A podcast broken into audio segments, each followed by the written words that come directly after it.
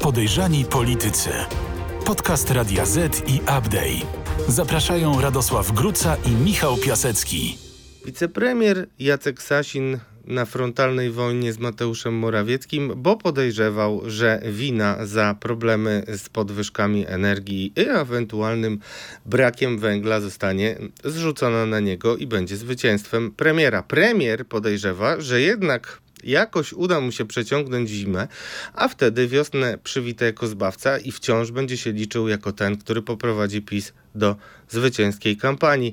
W międzyczasie powinna zyskiwać opozycja, a nie zyskuje, bo nawet tak wytrawny polityk jak Radosław Sikorski no cóż, strzela gola samobójczego i jeszcze chyba podpada Amerykanom. Na koniec dnia mamy jeszcze mm, możliwą, mm, nową, rozgrywającą. Elżbieta Witek coraz większe chęci ma na to, by zostać premierką, ale wygląda na to, że na razie ewentualny atak na najważniejsze e, stanowisko w państwie jest odłożony. Czy gang tapirów jednak jest tak e, mało e, zagrażający szczytom władzy w PiS? Będziemy rozmawiać o tym i o innych wątkach dzisiaj w naszym podcaście Podejrzani Politycy, a moim gościem jest Mariusz Gierszewski, dziennikarz śledczy Radia Z. Dzień dobry, witam wszystkich. Mariuszu, dzisiaj tak trochę na, na rokowo, ale y, wydaje się, że ta y, symfonia, y, którą powinna zgodnie y, wygrywać y, ekipa rządząca, jakoś bardzo fałszywie brzmi, tak jakby każdy dmuchał swoją inną trąbkę albo jakieś fałszywe nuty. Ty jako muzyk, lider zespołu Afera, między innymi, y, możesz nam powiedzieć, jak, jak się kończą takie kakofonie dla publiczności i jak publiczność reaguje? No wejściem publiczności z sali się kończą, oczywiście. No chyba, że są tacy, którzy lubią jakiś e, jazz super modern, nowoczesny. To, to wtedy można powiedzieć, że to tak brzmi. Myślę, że to promil wyborców. No, jesteś nazywany Brianem Mayem y, dziennikarstwa śledczego, no to powiedz nam, kto na koniec dnia, że tak powiem, mm, zaśpiewał Are The Champions. Czy Jacek Sasin, czy Mateusz Morawiecki, czy może taka wrzucona trochę e, znienacka choć osobiście mówiłem od dwóch lat, że jest na shortliście jako kandydatka Elżbieta Witek, marszałek Sejmu. Ty dużo o tym e, piszesz i mówisz w tym tygodniu. Ważnym elementem jest no, koniec ochrony Mateusza e, Morawieckiego dla ministra Dworczyka. Ty o tym informowałeś na początku tygodnia. Wydaje się, że wreszcie dla niektórych mm, e, w końcu Dworczyk odejdzie z kancelarii. Jak to wygląda z Twoich przesłuchów?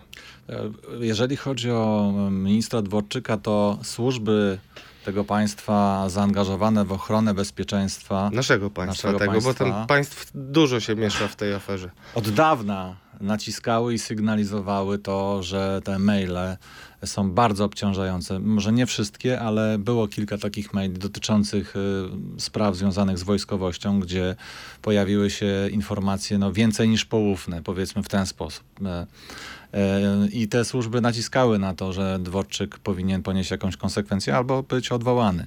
Ale to wszystko oczywiście pozostawało jak grochem o ścianę. E, on otoczony parasolem ochronnym premiera nic mu się nie działo, spływało po nim jak po kaczce. E, ale ostatnie maile, które pokazały w sprawie Romana Giertycha, że być może wykorzystywano przeciwko niemu wiedzę zaczerpniętą z inwigilacji Pegasusem, no być może, że to była ta ostatnia kropla, która przelała tą czarę goryczy. Ale oczywiście y, do tego, może to jest y, ważniejszy element, y, no Mateusz był coraz bardziej pod ostrzałem, obstrzałem mm, Sasina. No to zrzucił z sań osobę, która najbardziej politycznie mu ciążyła, Michała Dworczyka. Mówi się także jeszcze o kilku innych nazwiskach. E, no właśnie, to chciałem jeszcze o tych dwóch innych nazwiskach. Spoglądam tutaj w moje notatki i widzę, że na takiej liście ludzi premiera, którzy mogliby odejść, e, jest e, między innymi szef jego gabinetu, czyli pan Krzysztof Kubów. No i jest tutaj taki wątek, który łączy te dwie osoby i tym wątkiem jest województwo dolnośląskie, gdzie akurat, szczególnie z ministrem Dworczykiem, walczyła pani Zaleska. Anna Zaleska była ministra edukacji narodowej jest bliską przyjaciółką pretendentki Elżbiety Witek i moje źródła sugerują, że właśnie takie zestawienie tych dwóch osób, które miałyby odejść, miało być takim sygnałem Dolny Śląsk może mieć e, no, dużo silniejszą kontrolę ze strony e, tych pań, bo eliminacja Dworczyka automatycznie niweluje straty. Chodzi mi o to, żebyśmy... Rozgrywkę wewnątrz PiSu, tak? Mówię o takiej rozgrywce, bo wiadomo, że Elżbieta Witek nie ma w ogóle szans na to, żeby walczyć o tekę premiera, jeżeli nie Chociaż będzie się miała... zgłosiła. Chociaż się zgłosiła, gdyby nie miała wsparcia tutaj Jacka Sasina i być może cichego wsparcia mm, Mariusza Błaszczaka, ministra mm, obrony narodowej i wicepremiera, o którym niedawno Jarosław Kaczyński mówił, że być może najważniejsze funkcje po nim przejmie. To skomplikowana rozgrywka, rozłóżmy ją na części. Jacek Sasin zaatakował, e, dużo się o tym e, mówiło, ale... Przegrzał. I chyba przegrzał. No właśnie, Przegrzał. powiedz o najświeższych informacjach. Mm, No cóż, z racji na to, że chwilę zajmie przetwarzanie, to być może już ta informacja nieco się po mieście rozejdzie, więc wytłumaczmy, co tu się tak naprawdę wydarzyło, bo mówiono o tym, że dzisiaj, nagrywamy to w czwartek, będzie wyjazdowe posiedzenie klubu. Tam będzie płomienne kolejne przemówienie Jarosława Kaczyńskiego, po którym PKP, czyli Prezydium Komitetu Politycznego, mogłoby głosować nad zmianą premiera, czyli Elżbieta Witek kontra Mateusz Morawiecki. Co tutaj się wydarzyło, że to się jednak nie wydarzy, a może tylko zostało odłożone w czasie? Wiesz co, no jesteśmy przyzwyczajeni do tego, że tutaj w naszej polityce to wszystko zmienia się nawet n- nie z dnia na dzień, ale z godziny na godzinę. I tak jak początek tygodnia wskazywał na to, że być może w piątek dojdzie do jakiegoś drugiego, kolej, no może nie drugiego, kolejnego przesilenia, czyli znowu Jacek Sasin na PKP e, zaatakuje Morawieckiego, tak teraz wygląda to bardziej na to, że mm, to się troszeczkę rozmywa albo przesuwa się w czasie. E, Być może to PKP, na którym ma dojść do takiego kluczowego jakiegoś rozwiązania, odbędzie się w przyszłym tygodniu. E, Być może, być może jeszcze później. E, Fakt jest taki, że dochodzą do nas informacje, że jeżeli Mateusz Morawiecki się obroni, przynajmniej na tę chwilę, to w przyszłym tygodniu mamy rekonstrukcję rządu, trochę wykraczającą poza tylko odwołanie mm, ministra Dworczyka. Będą tam jeszcze inne zmiany. Mm, O tym będziemy starali się dowiedzieć też i podać jak najszybciej w Radiu Z. Mm, I że ja bym stawiał na taki scenariusz, czyli odłożona, ta gilotyna na razie się odsuwa od Mateusza Morawieckiego, w związku z tym on jakby przechodzi troszeczkę do kontrofensywy, czyści swoje otoczenie, pokazuje, że tutaj jest lifting rządu, że on idzie na, na tą trudną zimę z nową ekipą, że wszystko jest okej. No ale nie jest ok i wszyscy dobrze o tym wiemy. Przede wszystkim nie jest ok, jeśli chodzi o węgiel i za to miał zapłacić e, szef RARS-u. To jest skrót, który e, na pewno będzie wracał jeszcze tej zimy e, wielokrotnie. Udało ci się dowiedzieć e, kilku konkretów o tym, jak wygląda ta operacja sprowadzania węgla przez Rządową Agencję Rezerw Strategicznych i to też będzie miało wpływ oczywiście na przyszłość e, szefa RARS-u. Jak to wygląda? Mówiliśmy w zeszłym tygodniu i że e, szef RARS-u jako człowiek Morawieckiego jest wystawiany trochę e, przez Jacka Sasina. Był wskazywany jako ten, który nie pojawia się na zespołach, które miały na ten temat rozmawiać. Wydaje się, że tutaj obie strony troszeczkę nam ściemniają. Wydaje się, że to jest też tak, że szukano tego chłopca do bicia, to czy, ci, ci, którzy oczywiście strzelali do Morawieckiego i tu wskazali na RARS. I teraz rozmawialiśmy o tym e, tydzień temu, przez ten tydzień staraliśmy się e, rozwiązać tą zagadkę albo zobaczyć się, e, zbliżyć się jakoś do prawdy. No, zdaje się, że wygląda na to, że mm, e, w RARSie olbrzymiej afery finansowej jeszcze e, nie ma. Czy No właśnie, ale to też pokazuje w Ale- ogóle, to jest ciekawy wątek, bo e, do mnie też dochodziły informacje o tym, że histerię na ten temat rozpętała ministra klimatu e, pani Moskwa i tam właśnie były takie sugestie, które szy, bły, lotem błyskawicy m, rozeszły się po mieście, że może być znowu jakiś wał, a jednak e, wał respiratorowy, m, przekręt, no... Nie został pobity jeszcze. nie został pobity, a, a był przyklejony Cieszyńskiemu jako człowiekowi premiera. No więc to by automatycznie uderzało w premiera, gdyby Rars coś tutaj nawalił. Co się okazało na koniec e, i opowiedzmy też o mm, kilkuset tysiącach, które być może w Excelu się pogubiły. Więc jeżeli chodzi o RARS, to mm, okazało się, że mm, e, mieli problemy z jednym z pośredników, e, sprowadzając czy zamawiając węgiel z e, Kolumbii. E, okazało się, że tam e, kopalnia kolumbijska zażądała e, odpowiednich zabezpieczeń i wynajęty przez raz pośrednik się z tego nie wywiązał, w związku z tym węgiel do Polski nie przypłynął tak jak miał przypłynąć na przełomie sierpnia i września, tylko będzie dopiero pod koniec października. Z tej oczywiście, z tej dostawy, tam zdaje się, że chodziło o 300 tysięcy, jedno 300 tysięcy ton węgla. No, oczywiście RARS, y, nasi informatorzy z RARS tłumaczą, że zapewniają, że nie stracono ani złotówki, że po prostu y, ta dostawa przesunie, przesunęła się w czasie. Niemniej jednak oczywiście są też, też tacy, którzy odpowiadają, że przecież zawsze przy tego typu kontraktach najpierw idzie zaliczka. Jeżeli chodzi o 300 tysięcy ton węgla, to ta zaliczka musiała być olbrzymia, idąca w dziesiątki milionów. Ale nie mniej, nie mamy na razie potwierdzenia informacji, żeby doszło tam do, do jakiejś wielkiej afery finansowej. Jest, e, RARS wpakował się na małą minę, przesunięcie następuje w dostawach węgla akurat z tego kierunku. Niemniej jak e, rozmawiałem z ekspertami, traderami węglowymi, oni od, od początku mm, o, zapewniali, ostrzegali, że na tym rynku węglowym i nie tylko polskim, ale też i światowym jest E, masę oszustów, masę przekrętów. Okazja I, czyni złodzieja, tak? I że prędzej czy później ktoś się musi naciąć. No, o, wyglądało to tak, że niewiele znający o lokalny rynek przedstawiciele polskich firm pojechali do Indonezji. E, tam lokalni zorientowali się o co chodzi, od razu podnieśli cenę o 20%. E, jeden z takich traderów opowiadał mi, że jest taka przestępczość, że sprowadzając węgiel z, z gdzieś tam z, ze środku wyspy Borneo. E, jak płyną te barki, to musi montować specjalne GPS-y na każdej barce, żeby ta barka nagle gdzieś nie zboczyła i nie została przeładowana albo załadowana jakimś e, I żeby węgiel nie wyparował, żeby, żeby a miał wyparował. się tylko znalazł. Tak? I on mówi, że to dzieje się na każdym poziomie. W związku z tym, kiedy nasze spółki, nie mając odpowiednich narzędzi, doświadczenia, wzięły się za sprowadzenie tego węgla, no zleciały się też hieny z całego świata, które chcą nas po prostu zrobić bambuko i prędzej czy później ktoś no, się da złapać. Niestety, no tak jest. Więc y, może to jest y, jakieś tam tłumaczenie y, lekkie Rarsu, że, że trochę im nie wypaliło miejmy nadzieję, nie stracą tych pieniędzy i ten pośrednik nie wyparuje i jednak sprowadzi ten węgiel na, na koniec e, października.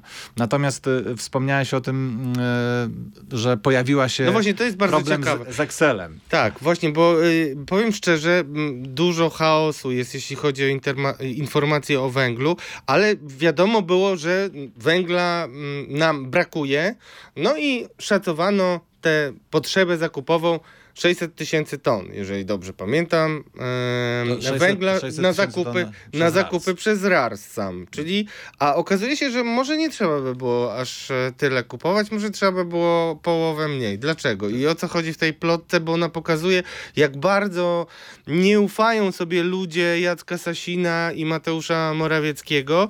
No i to mnie trochę niepokoi, jako tego, który życzy wszystkim ciepła na zimę na takich specjalnych spotkaniach węglowych, które się tam odbywają co kilka dni, gdzie są wszyscy przedstawiciele najważniejszych instytucji, mm, nagle okazało się, że jedna z kluczowych y, spółek Skarbu Państwa ma na składzie 300 tysięcy ton węgla, które, o którym wcześniej nie raportowała, którego wcześniej nie ujawniała.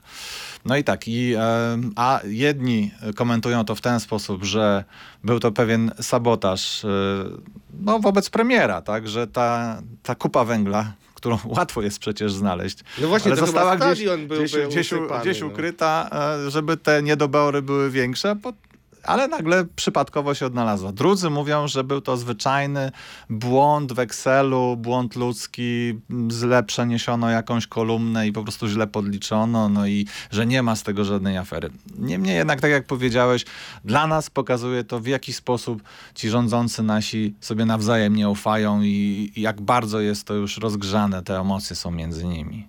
No właśnie, tutaj mało jest merytoryki, mało jest przejrzystości i transparentności w tych wszystkich zakupach. Kolejne projekty pojawiają się teraz. Marek Suski, człowiek e, specjalnych e, zadań, e, też się pojawił ze swoimi pomysłami. Zostawiamy to specom od energetyki, a my e, zajmiemy się tym jeszcze, jaka energia. Ale- e, Chci- Chciałem dodać, bo jak powiedziałeś o tej nieufności, to mieliśmy także inny ciekawy przypadek w tym tygodniu dotyczący nieufności w internecie, tak? No właśnie, to jest ciekawe, dużo bardzo y, wzmożenia można zaobserwować, jeśli chodzi o działalność y, rosyjskich trollów, ale na, na takim wybitnie polskim y, odcinku. I Nie tylko rosyjskich. Nie No tylko to- Rosy, oczywiście, no, czy generalnie wojna i kampania wyborcza y, zaczęła się y, na dobre. Nie wiem, czy Państwo wiecie, ale mm, słyszano nawet, że już taki wstępny sztab wyborczy y, powołali mm, e, pani Anna i pan Piotr ze spółki Solvere kiedyś, którzy są bardzo zaufanymi osobami Jarosława Kaczyńskiego, jeśli chodzi o starcia kampanijne, a o czym mniej ludzi wie, najbardziej są związani z Mateuszem Błaszczakiem, co być może, drodzy Państwo, wskazywać na Mariuszem. to... Mariuszem Błaszczakiem, przepraszam. Panie ministrze, minister obrony narodowej Mariusz Błaszczak będzie, e, kampa- e, będzie być może mm, twarzą kampanii. Na pewno, jeśli główne role e, będą odgrywać w sztabie, będzie odgrywać ta dwójka, no to ma duże szanse. Ale opowiedz jeszcze o tym, co zauważyłeś. Zresztą ciebie też atakują, chyba przywykłeś do tego. No, kosmiczne różne historie czytałem, nie tylko o sobie, czasami czytam o tobie i potem mamy z czego się pośmiać. O, Tak, dokładnie. Internet jest pełen takich informacji, ale tym razem e, nie tylko ja, ale jeszcze parę osób zwróciło uwagę na, na, e, tweety dosyć nachalnie wychwalające Jacka Sasina i panią e, marszałkinię Witek, właśnie piszące o tym, że wspaniałe przemówienie wicepremiera, doskonałe wystąpienie, Ale doskonały ty myślisz, pomysł. że to jest taka operacja I- fałszywej flagi, no czyli właśnie- udajemy właśnie- fanów Sasina, który rusza do ataku, a tak naprawdę rozmawialiśmy z harcerzami i harcerze nam tutaj podsunęli, tak? Słuchaj, no oczywiście nigdy nie dojdziemy do prawdy, Ale, ale, ważne, jest to, żeby, niemniej, ważne jest to, żeby zasygnalizować, że w ogóle takie operacje w tej Takie ekipie operacje- rządzącej często się zdarzają. Czyli my udajemy fanów jednej ekipy po to, żeby przestraszyć kogoś, e, Dokładnie kto tak. może naszą ekipę... Słuchaj, no, e, przeglądaliśmy te, te konta i rzeczywiście odnaleźliśmy tam e, jedno konto bardzo charakterystyczne, które jakiś czas temu brało udział w, w aferze wokół Get, Get, Getbacku i Getinu i banku Getin, i które atakowało poszkodowanych w tej aferze. No a trzeba pamiętać, że jeden z, z partnerów bardzo znanej firmy PR-owskiej, której jest jeden znany, był były polityk, e, ten partner mm, pracował dla Leszka Czarneckiego. e, A ta z kolei firma PR-owska jest związana jakoś tam z Danielem Obajtkiem, więc Nie no, musisz wskazywało... powiedzieć, o jakiej firmie mówimy, bo jednak w, ciągle się mówi o tej firmie. Ostatnio też Jacek Harłukowicz w Onecie, dziennikarz e, śledczy, ujawnił umowę, jaką e, agencja Adama Hoffmana zawarła z MOLem na obsługę, e, co sugeruje Jacek Harłukowicz, może wskazywać na to, że też olbrzymią prowizję zarobili ludzie Hoffmana. Trudno jest trochę mówić o działalności tej agencji, bo ona jakoś dziwnie się podzieliła w pewnym momencie. Tam ci partnerzy się trochę zmieniali. Mm, Trudno do tego dojść, ale no tak czy inaczej, na koniec dnia zawsze gdzieś pojawiają się y, agencje PR-owskie założone przez byłych polityków PiSu albo z nimi związane. No i tutaj siłą rzeczy o Adamie Hoffmanie musimy rozmawiać. No takie plotki też y, wokół pana Adama chodzą, a on też niespecjalnie dbał o to, żeby je y, dementować. Panie Adamie, jeśli kiedyś, kiedyś pan chce, to nawet zapraszamy na rozmowę do podejrzanych polityków, taką szczerą i od serca. Mm, Dużo mamy ciekawych pytań, bardzo nam będzie miło. No w każdym razie istnienie tego konta tutaj w tej kampanii wychwalającej dosyć nachalnie Sasina, no można by interpretować, że to właśnie nie zrobili e, fani wicepremiera Sasina, ani e, jacyś urzędnicy jego siedzący tutaj niedaleko w budynku mapu, tylko że to za tym stoi zupełnie ktoś inny. Więc to by potwierdzało naszą, naszą teorię, że może to była taka właśnie robota pod obcą flagą.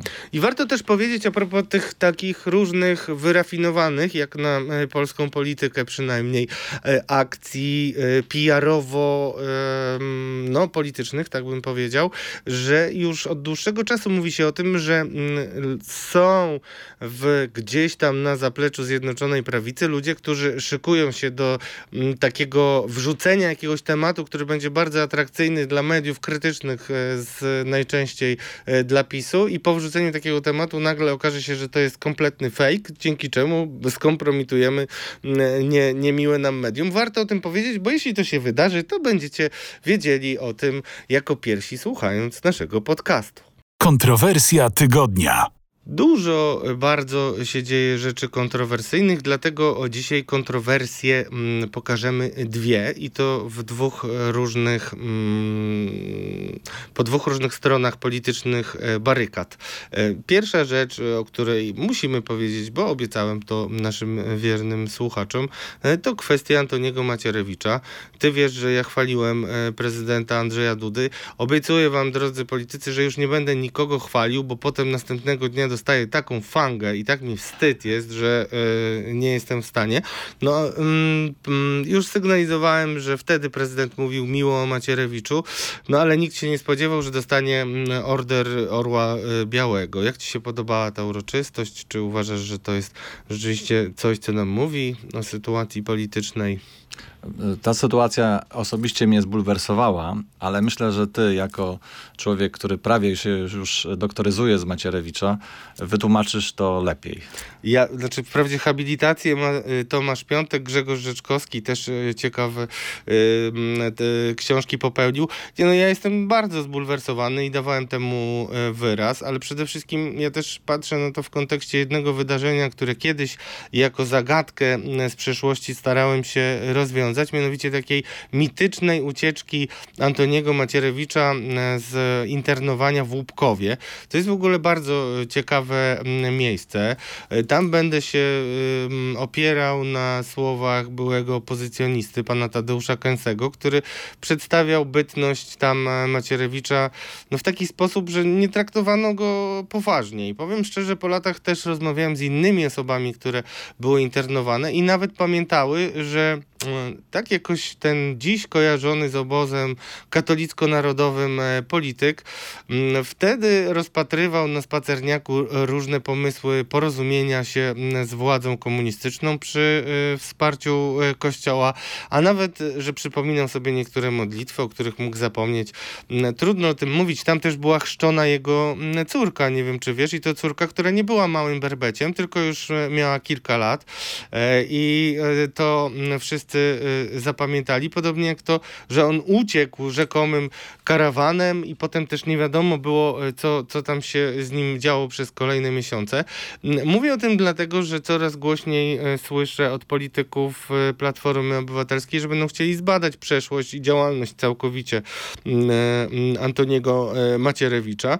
I wydaje mi się, że to może być istotnym elementem, natomiast tak czy inaczej, już wystarczy samo kłamstwo smoleńskie pokazane w filmie TVN-u, żeby uznać, że jest to jednak co najmniej duża niefrasobliwość ze strony prezydenta. E, Ty, rozumiem, nie masz żadnych złudzeń co do tego, że prezydent Andrzej Duda nie zbuduje e, samodzielnie żadnej e, siły i nie zdobędzie się na samodzielność, bo ja jeszcze o tym się... rozmawialiśmy. No ja temu, się, tak. ja się wahałem, ale ten gest jednak pokazuje mm, samodzielność prezydenta bardzo słabo. Ale z drugiej strony mówimy o wielu kłopotach em, Zjednoczonej Prawicy. Oni rządzą, musimy im patrzeć na ręce. No ale y, z drugiej strony mm, zobacz, jakie to jest kompletnie nieprzewidywalne, bo Radosław Sikorski może, nie wiem, być zmęczony albo, nie wiem, chcieć przypomnieć o swojej mm, obecności i działalności e, całemu światu i nagle e, przypomnijmy ważne wydarzenie, cztery rozszczelnienia Nord Stream 1 i 2 ym, e, zidentyfikowane między innymi przez Duńczyków i Szwedów. No poważna sprawa, bo tak naprawdę gazociągi nie będą działać. I Czyli- wybuchy. I I zidentyfikowane wybuchy. wybuchy. No i, i, i co robi Radosław Sikorski w środku nocy? Mm, Jakby pisze tweeta, z którego no, nie można wyciągnąć innych wniosków niż to, że to jest sabotaż, to prawda, ale amerykański, bo on dziękuję Amerykanom. No, czy- powiedz, Mam wrażenie, że niektórym e, politykom e, trzeba by wyłączać zdalnie Twittera w nocy. W nocy.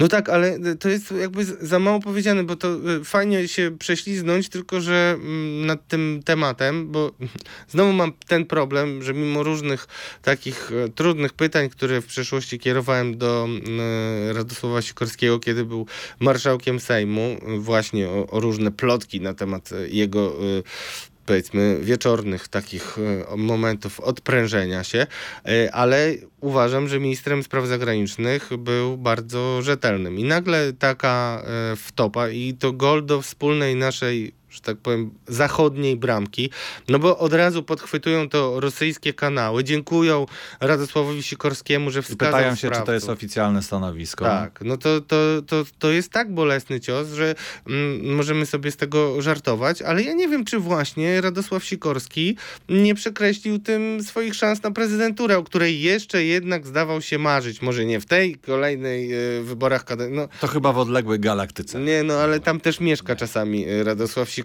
Wiadomo, że on wzbija się czasami w powietrze, by zaćmić słońce e, zapewne, jak mówią złośliwi jemu. Ale nie wydaje ci się, że tak czy inaczej, nawet jeżeli prawica będzie się potykać o własne nogi, to trudno dzisiaj mieć nadzieję, że opozycja e, również podobnego samobuja sobie nie strzeli. No bo ta, ta historia z Sikorskim, powiedzmy jasno, no kto może stać za tym atakiem? Kto na tym tak realnie może skorzystać? Bo dużo się o tym mówi, każdy sobie zadaje takie pytanie. Są też oczywiście różne informacje służb i tak naprawdę ludzie ze służb, z którymi rozmawiałem, nie mają wątpliwości, że trzeba patrzeć na wschód. Radek, ja bym się tego nie obawiał. To znaczy, jednak mimo wszystko Radosław Sikorski jest na obrzeżach polityki, polity, polityki opozycyjnej.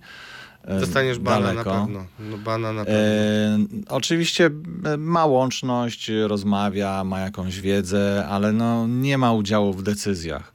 Moim zdaniem nie. To, to, to jest, więc takiej, takiej obawy, że on bardzo, bardzo zaszkodzi, nie mam.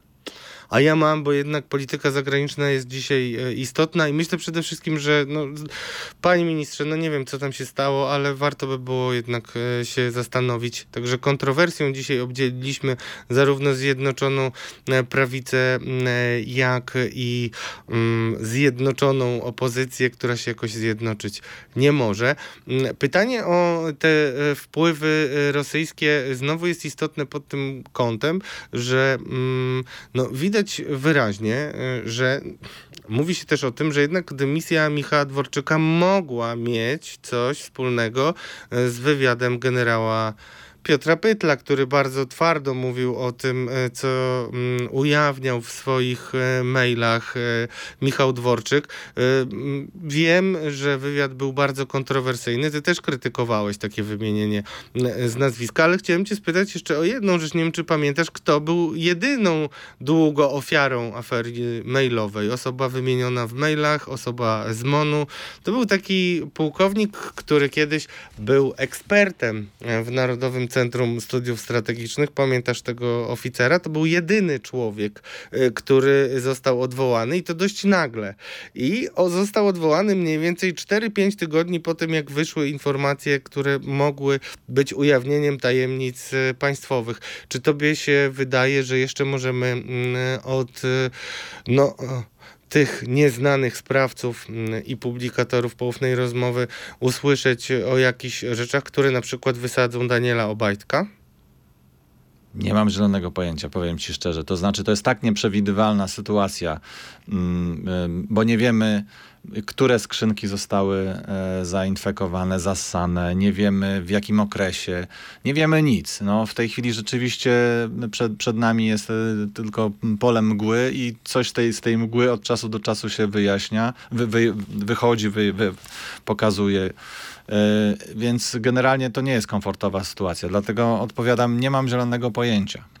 No i tak chyba wszyscy powinniśmy mówić, ale najgorsze jest to, że brak e, zareagowania na poufną rozmowę i na ten wyciek e, maili wtedy, kiedy wyciekły, a ile to już czasu? Bo to Półtora roku. Półtora roku sączą się maile, drodzy Państwo. To nie tak poważne państwa nie działają. Bardzo dużo informacji jeszcze tam, myślę, znajdzie finał w dziennikarskich e, śledztwach i to głośne finały. Też mogę to zapowiedzieć. Zobaczymy, jak będzie. Wydarzenie tygodnia. Drodzy Państwo, no w tym tygodniu mm, wydarzeniem tygodnia miało być obalenie Mateusza Morawieckiego. Nie było, ale w ubiegłym tygodniu rozpoczął się e, proces, który, drodzy Państwo, jest chyba jednym z raptem kilku procesów e, polityków e, związanych z poprzednią ekipą. Mówimy tutaj o wiceministrze zdrowia byłym e, Sławomirze Neumanie, który jest oskarżony o przekroczenie uprawnień. Tam chodzi o kontrakt z jedną prywatną spółką, prywatną kliniką okulistyczną, ale nie o, o tym kontrakcie chcemy rozmawiać, tym bardziej, że ja, e, drodzy Państwo, e, gwarantuję Państwu, że jeśli chodzi o sam kontrakt, to można mieć poważne wątpliwości, że doszło tam do przestępstwa, bo ten kontrakt nigdy nie został wypowiedziany, mimo że lata minęły od wybuchu afery, ale ty przynosisz informację m, dla mnie m, bardzo brzemienną w skutki dla tej sprawy z innego śledztwa, które właśnie się zakończyło, a dotyczy osoby nieprzypadkowej, dotyczy człowieka, który jest głównym e, świadkiem e, w sprawie byłego wiceministra. Jeżeli by ten świadek nie przygotował pewnych materiałów i nie uprawdopodobnił e, rzekomych przestępstw wiceministra, to w ogóle sprawy by nie było. O kim rozmawiamy? No jest to osoba, z którą, o której słyszeliśmy już dawno, słyszeliśmy w kilku sprawach. To były urzędnik NFZ-u J, Mirosław. J. Mirosław J., y, któ- który mm, no, napisał takie sławne mm, pismo do CBA, y, oferując Mariusza swoje, Kamińskiego, do samego szefa oferując swoje usługi. To, to pismo wypłynęło i mieliśmy je też e, w ręku. To było jeszcze przed, znaczy właściwie w czasie śledztwa, kiedy toczyło się śledztwo dotyczące Sławomira Neumana.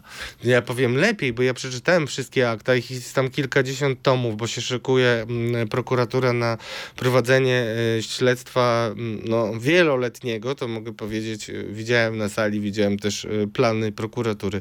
Tam w tych aktach mm, pismo Mirosława J., byłego dyrektora NFZ, pojawia się w określonym momencie, w momencie, kiedy prokuratura bada, czy umorzona już wcześniej sprawa, bo ta sprawa była umorzona i to e, jakby nic nie wskazywało na to, że da się ją wskrzesić, nagle się pojawia to pismo i, i dopiero jak to pismo się pojawia, to jest decyzja e, prokuratury, żeby mm, w, wznowić to śledztwo i zaczyna się postępowanie, potem naprawdę można z tego epopeję e, zrobić, ale Mirosław J. e, występuje jako Mirosław J. nieprzypadkowo, bo właśnie prokuratura, która prokuratura skierowała oskarżenie i o co chodzi? Powiedz nam przynajmniej sygnalizująco. Prokuratura chodzi... regionalna w Warszawie, dosyć znana nam. No właśnie, bo tutaj mamy, to jest dość ciekawe, bo prokuratura Jeleniogórska, zresztą mm, tam jest obsadzony y, prokurator, był obsadzony, był szefem e, tamtejszej prokuratury, taki wierny, dobrej zmianie e, prokurator. On w międzyczasie awansował i już dzisiaj jest w prokuraturze krajowej.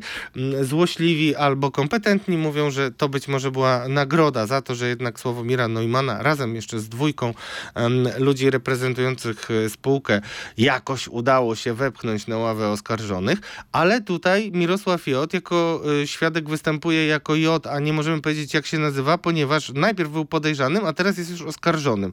O co ten wspaniały świadek, który jest jedynym filarem e, aktu oskarżenia przeciwko Neumanowi, jest oskarżony przez inną prokuraturę, czyli przez prokuraturę regionalną w Warszawie. Wiemy, wiemy to, że w maju skierowano wobec niego akt oskarżenia. No to bardzo podważa jego wiarygodność jako świadka. Z tego co pamiętam, to ty badałeś tą sprawę dokładnie. Badałem tę sprawę dokładnie i od e, wielu lat, albowiem e, czekałem chyba, drodzy Państwo, nie pamiętam czy 16 czy 17 rok, kiedy mm, śledztwo pierwotnie umorzone zresztą przez tą ekipę zostało wznowione z polecenia zresztą Zbigniewa Ziobro. A chodziło o to, drodzy Państwo, że pan dyrektor Mirosław J., który jest głównym świadkiem przeciwko Sławomirowi Neumanowi, przyjął łapówkę. I to nie jedną, przyjmował regularnie łapówki, o czym powiedziała kobieta, która mu te łapówki dawała. E, która skorzystała specy, ze specjalnych... Która korzyst- tak, skorzystała i dzięki temu no, ym, odstąpiono od jej e, ukarania jako tej osoby, która zgłosiła y, przestępstwo.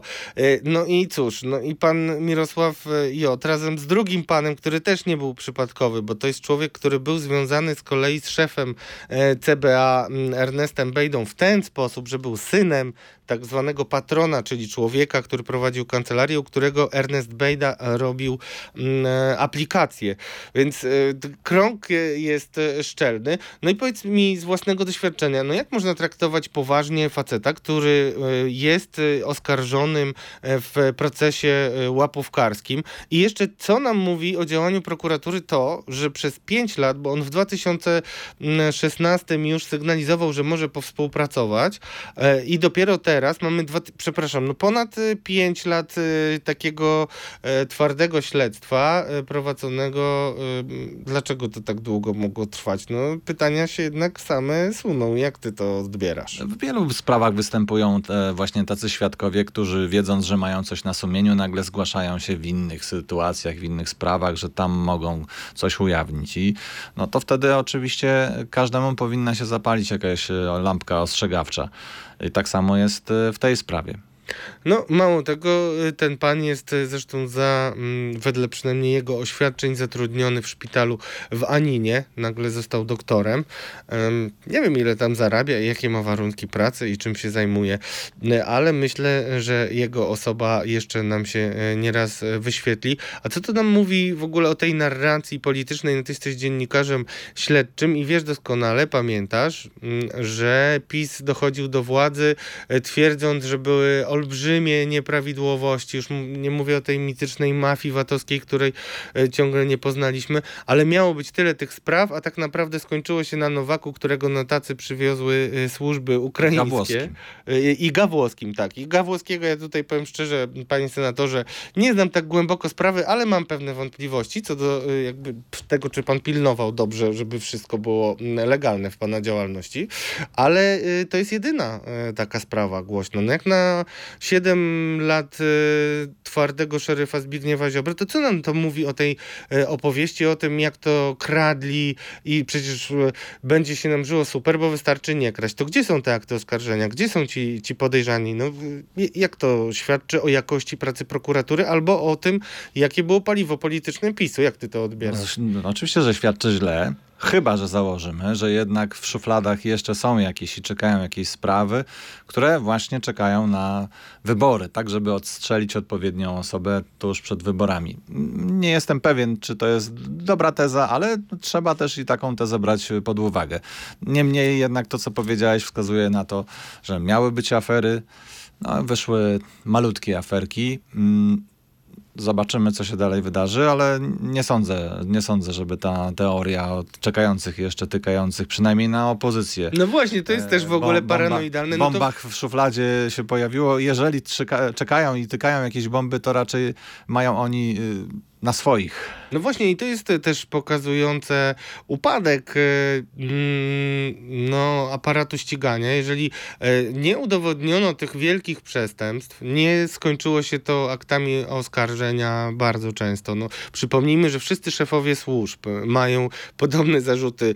Szef ABW, szef CBA, e, generał Pytel, szef SKW, wszyscy mają jeden zarzut przekroczenia uprawnień. Tak? To, to jest takie urzędnicze... To jest najprostszy zarzut, jaki można postawić jesteś, urzędnikowi. Każdemu jesteś w stanie to um, postawić taki zarzut. Słyszałem to od samych prokuratorów Ziobro. E, a, a jakie jeszcze sprawy, przypomnijmy, bo um, warto jest to przypomnieć, jakie jeszcze sprawy mogą dotyczyć właśnie tej wewnętrznie um, pisowskiej wojny, bo między innymi też warto przypomnieć, że ciągle wisi afera Getbacku e, nad e, tą ekipą i wcale nie wiadomo, kto się podzieli odpowiedzialnością odpowiedzialnością.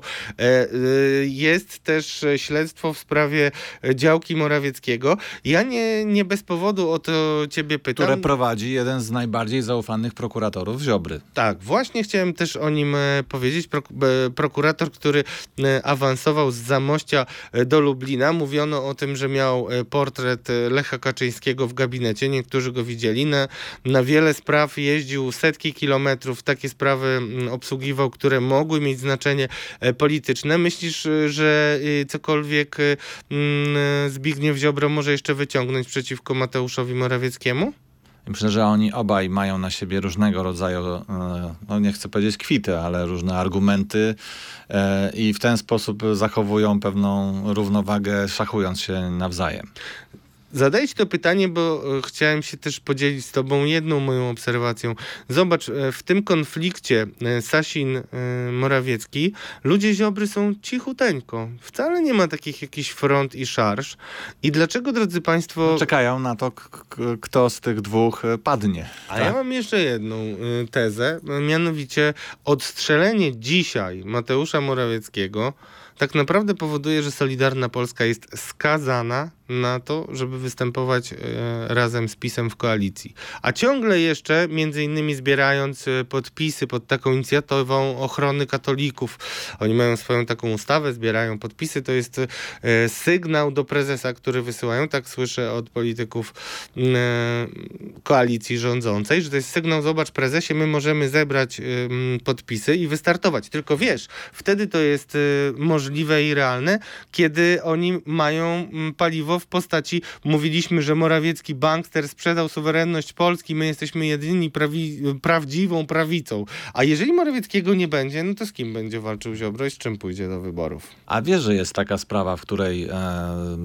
której na przykład Mateusz Morawiecki mógłby wyciągnąć jakieś sytuacje na Zbigniewa Ziobro i, i prokuratora Święczkowskiego? A chcesz nam coś o tym powiedzieć? No, jest to sprawa e, tak ma dotycząca dużej mafii paliwowej, w której jeden z, z kluczowych tam oskar, oskarżonych, Maksymilian G., no, twierdził, że ma nagrania, mm, w których rosyjscy biznesmeni opowiadali, jak to może nie korumpowali, ale jak zbliżali się do czołowych polityków y, i do czołowych prokuratorów i do czołowych tutaj przedstawicieli wymiaru sprawiedliwości, jak mm, różnego rodzajami, rodzaju działaniami, na przykład zaproszeniami na stadion, do loży na mecz różnego rodzaju i tam e, jakby masowali i próbowali dotrzeć i że on te nagrania mm, przedstawił, wysłał do prokuratury i, e, i niestety siedzi i to od wielu, wielu miesięcy. Właśnie dobrze, że o tym mówisz. To jest jedna z tych e, kilku historii, które zresztą masz na radarze, to możemy e, zdradzić, które mm, no, mm, dają więcej znaków zapytania niż jakichkolwiek odpowiedzi. No ale na koniec dnia widzimy, że z tych wielkich afer Platformy na razie żadnych specjalnych efektów y, w postaci posadzenia kogokolwiek nie mamy. Ale dużo... panie ministrze Ziobro, czekamy. Ale cały czekamy, czas tak czekamy. i też czytamy prawicową prasę, zapowiedzi są co tydzień. Y, zobaczymy, co będzie dalej. No oczywiście kibicujemy w, wszelkim działaniom, które mają na celu wyplenienie korupcji, ale obawiam się, że dużo jeszcze ma na własnym sumieniu E, ta ekipa, więc mm, na razie wszyscy będą trzymać to w swoich szufladach. Przegląd kadr. No to czas w takim razie na przegląd kadr. I tutaj e, chciałem zaakcentować e, dwie ważne e, rzeczy, jeśli chodzi o KPRM.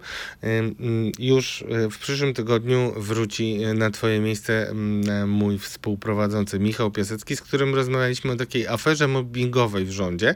I tam minister Tomaszewski już oficjalnie jest opisywany jako ten, który miał mobbingować pracowników, ale słyszę, że mało kogo to obchodzi. E, drodzy rządzący, jeszcze ci mobbingowani mogą wam bardzo zaszkodzić. Natomiast jest tam jedna osoba w KPRM-ie, która no, czuje wiatr w żagle. Jest to zastępca ministra Dworczyka, który jak wiemy żegna się z frontem. Chociaż ty mówiłeś, że on może zostać w kancelarii. Ja sobie w ogóle jakoś tego nie wyobrażam, no ale okej, okay, no będzie to Może w innej funkcji. W innej funkcji, no ale to takie y, ma, mało poważne. No ale w każdym razie Zbigniew Hoffman y, zastąpi Michała Dworczyka i o nim się mówi, że on zyskał wielkie zaufanie y, prezesa Jarosława Kaczyńskiego. I mogę powiedzieć Państwu, mm, że ja słyszałem taką anegdotkę, która miała mówić o tym, że słabo jednak premier mm, no, formułuje niektóre myśli, że spotkał jednego człowieka w KPRM-ie, który tak zrobił na nim olbrzymie wrażenie, że on y, powiedział mu, będzie pan pewnie ministrem i już tak sobie pomyślał. I teraz ja nie wiem, kto był tym człowiekiem, bo opowiadali mi to jako y, to, że prezes tak szafuje różnymi decyzjami, nawet personalnymi. No ale dzisiaj pasuje mi to do Hoffmana, który no, jako taki asystent prezesa kiedy prezes był jeszcze premierem w rządzie, mocno się sprawdził. Ty słyszałeś jeszcze dalej idące e, no wróżenie e, przyszłej kariery e, dla Zbigniewa Hoffmana. No to mówi się o tym, że został dołączony do tej listy ewentualnych kandydatów na premiera. No to brzmi rzeczywiście jak taka bajka.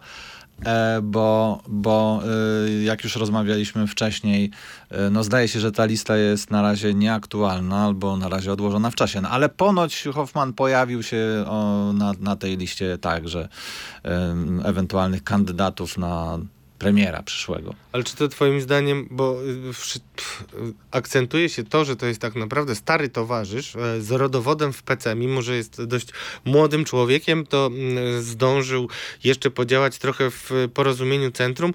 Czy to twoim zdaniem e, może wskazywać na to, że on jest jakoś podłączony i nie wiem, e, kojarzony z Jackiem Sasinem, który jest takim najsilniejszym dzisiaj politykiem z porozumienia centrum, razem z Mariuszem Błaszczakiem, z którym z, zresztą zresztą bardzo się nie lubili, ale teraz, jak usłyszałem, już nie są w jednym okręgu, więc te emocje, zła chemia między nimi upadła. Czy Hoffman jako człowiek Sasina, czy taki powiedzmy jakieś marzenie o, o tym technicznym premierze? Ja myślę, że to bardziej było poszukiwanie y, trochę złapanki na samym końcu jeszcze jakiegoś kandydata, bo z tego co możemy powiedzieć, wyglądało to tak, że wicepremier Sasin zdaje się przeszarżował, czyli e, na tych wszystkich pick-upach, e, gdzie uderzał Morawieckiego i był już blisko, zdaje się, przekonania do tego prezesa, do przekonania do zmiany premiera.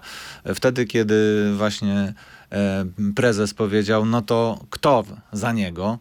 E, no to wtedy okazało się, że Sasin nie miał takiego kandydata, bardzo konkretnego, przedyskutowanego, czy takiego, który miałby już jakieś szerokie poparcie. No Anegdota... A Jacek, sam Jacku, an, a właśnie, się an... dla dobra Polski? Anegdota właśnie mówi o tym, że w takim kluczowym momencie prezes powiedział, no dobrze, no to kto w takim razie? No to może ty. Zwrócił się do Sasina i Sasin miał wtedy zaprzeczać i schować się do skorupki i powiedzieć, nie, nie, ja nie, ja nie, ja nie.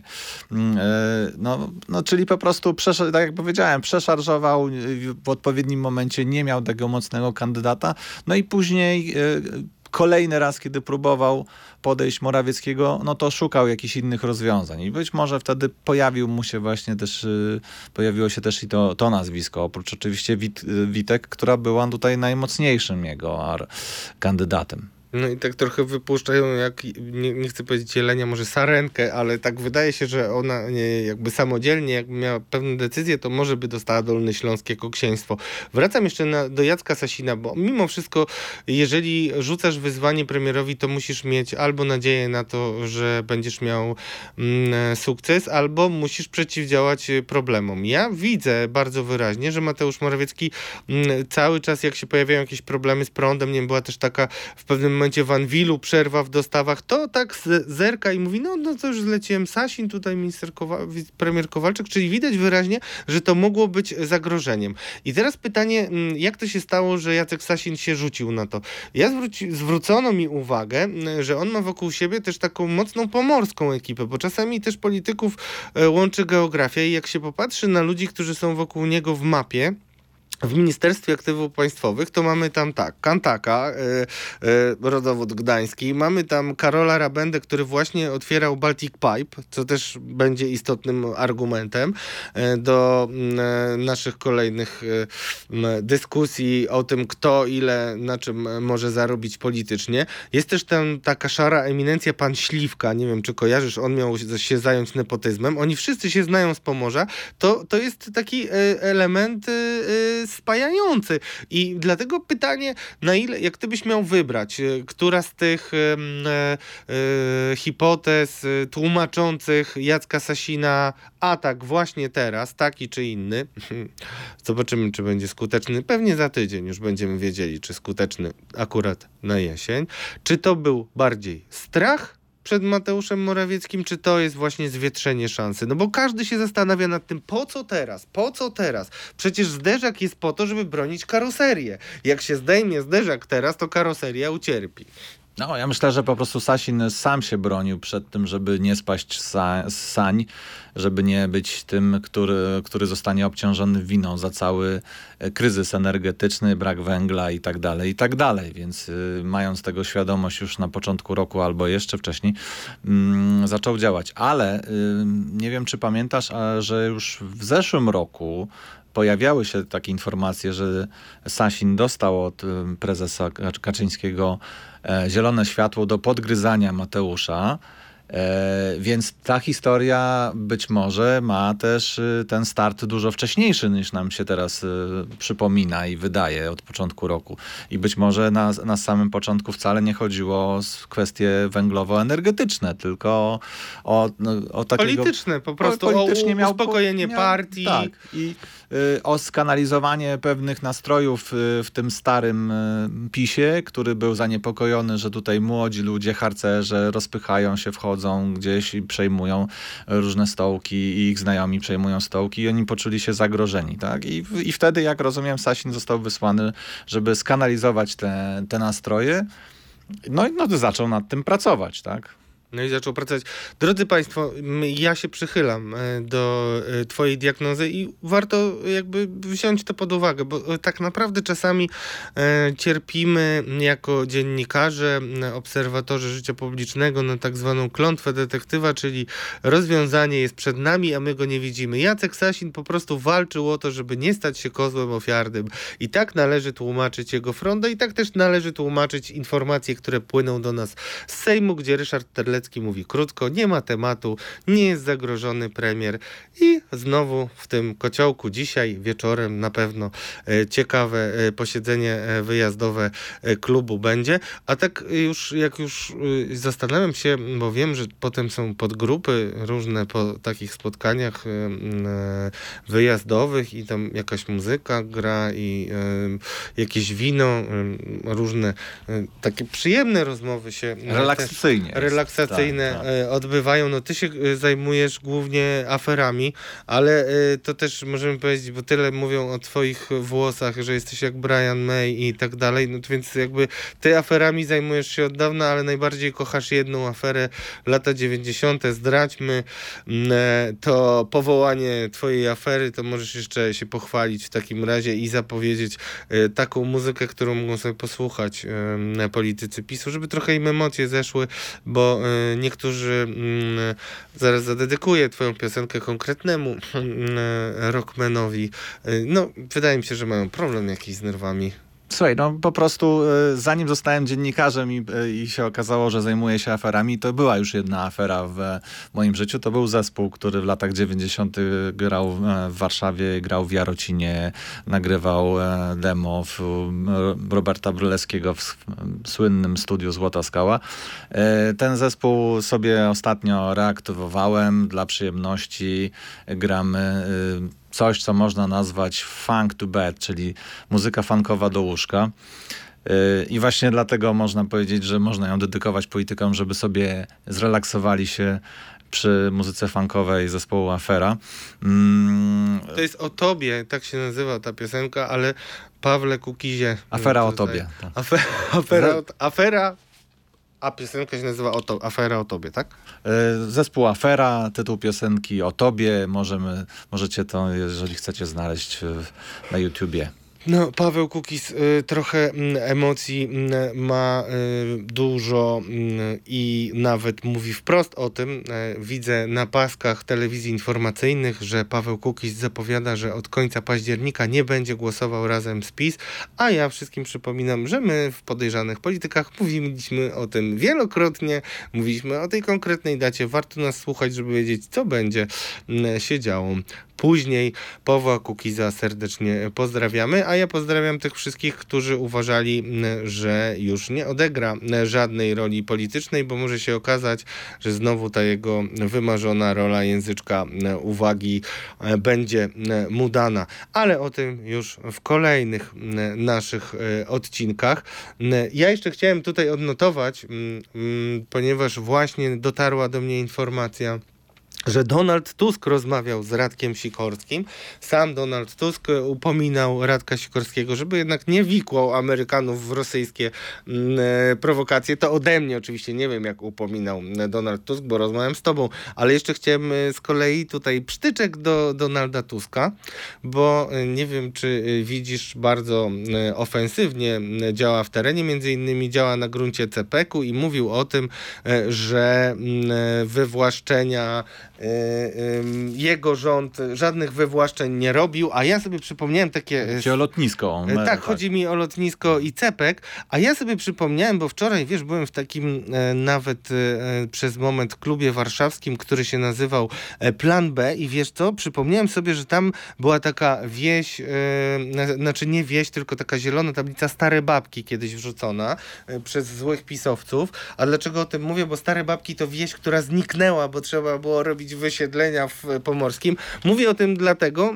żeby Donald Tusk też pilnował siebie, bo jak mówi e, no, w takim wiecowym nastroju e, różne rzeczy, to też to mu może wyciągnąć. I z tego co wiem, stare babki.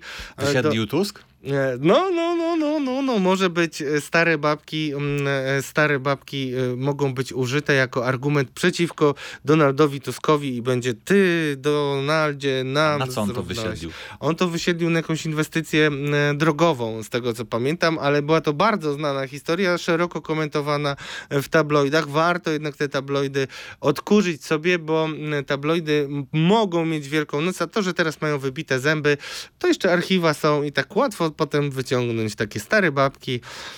Donaldzie Tusku, warto e, jednak uważać na to, co się mówi. Moim gościem e, dzisiaj w naszym podcaście Podejrzani Politycy Mariusz Gierszewski, Radio Z. Dziękuję bardzo. A ja nazywam się Radosław Gruca, reprezentuję Radio Z.pl i pozdrawiam serdecznie i czekam na powrót mojego drugiego współprowadzącego.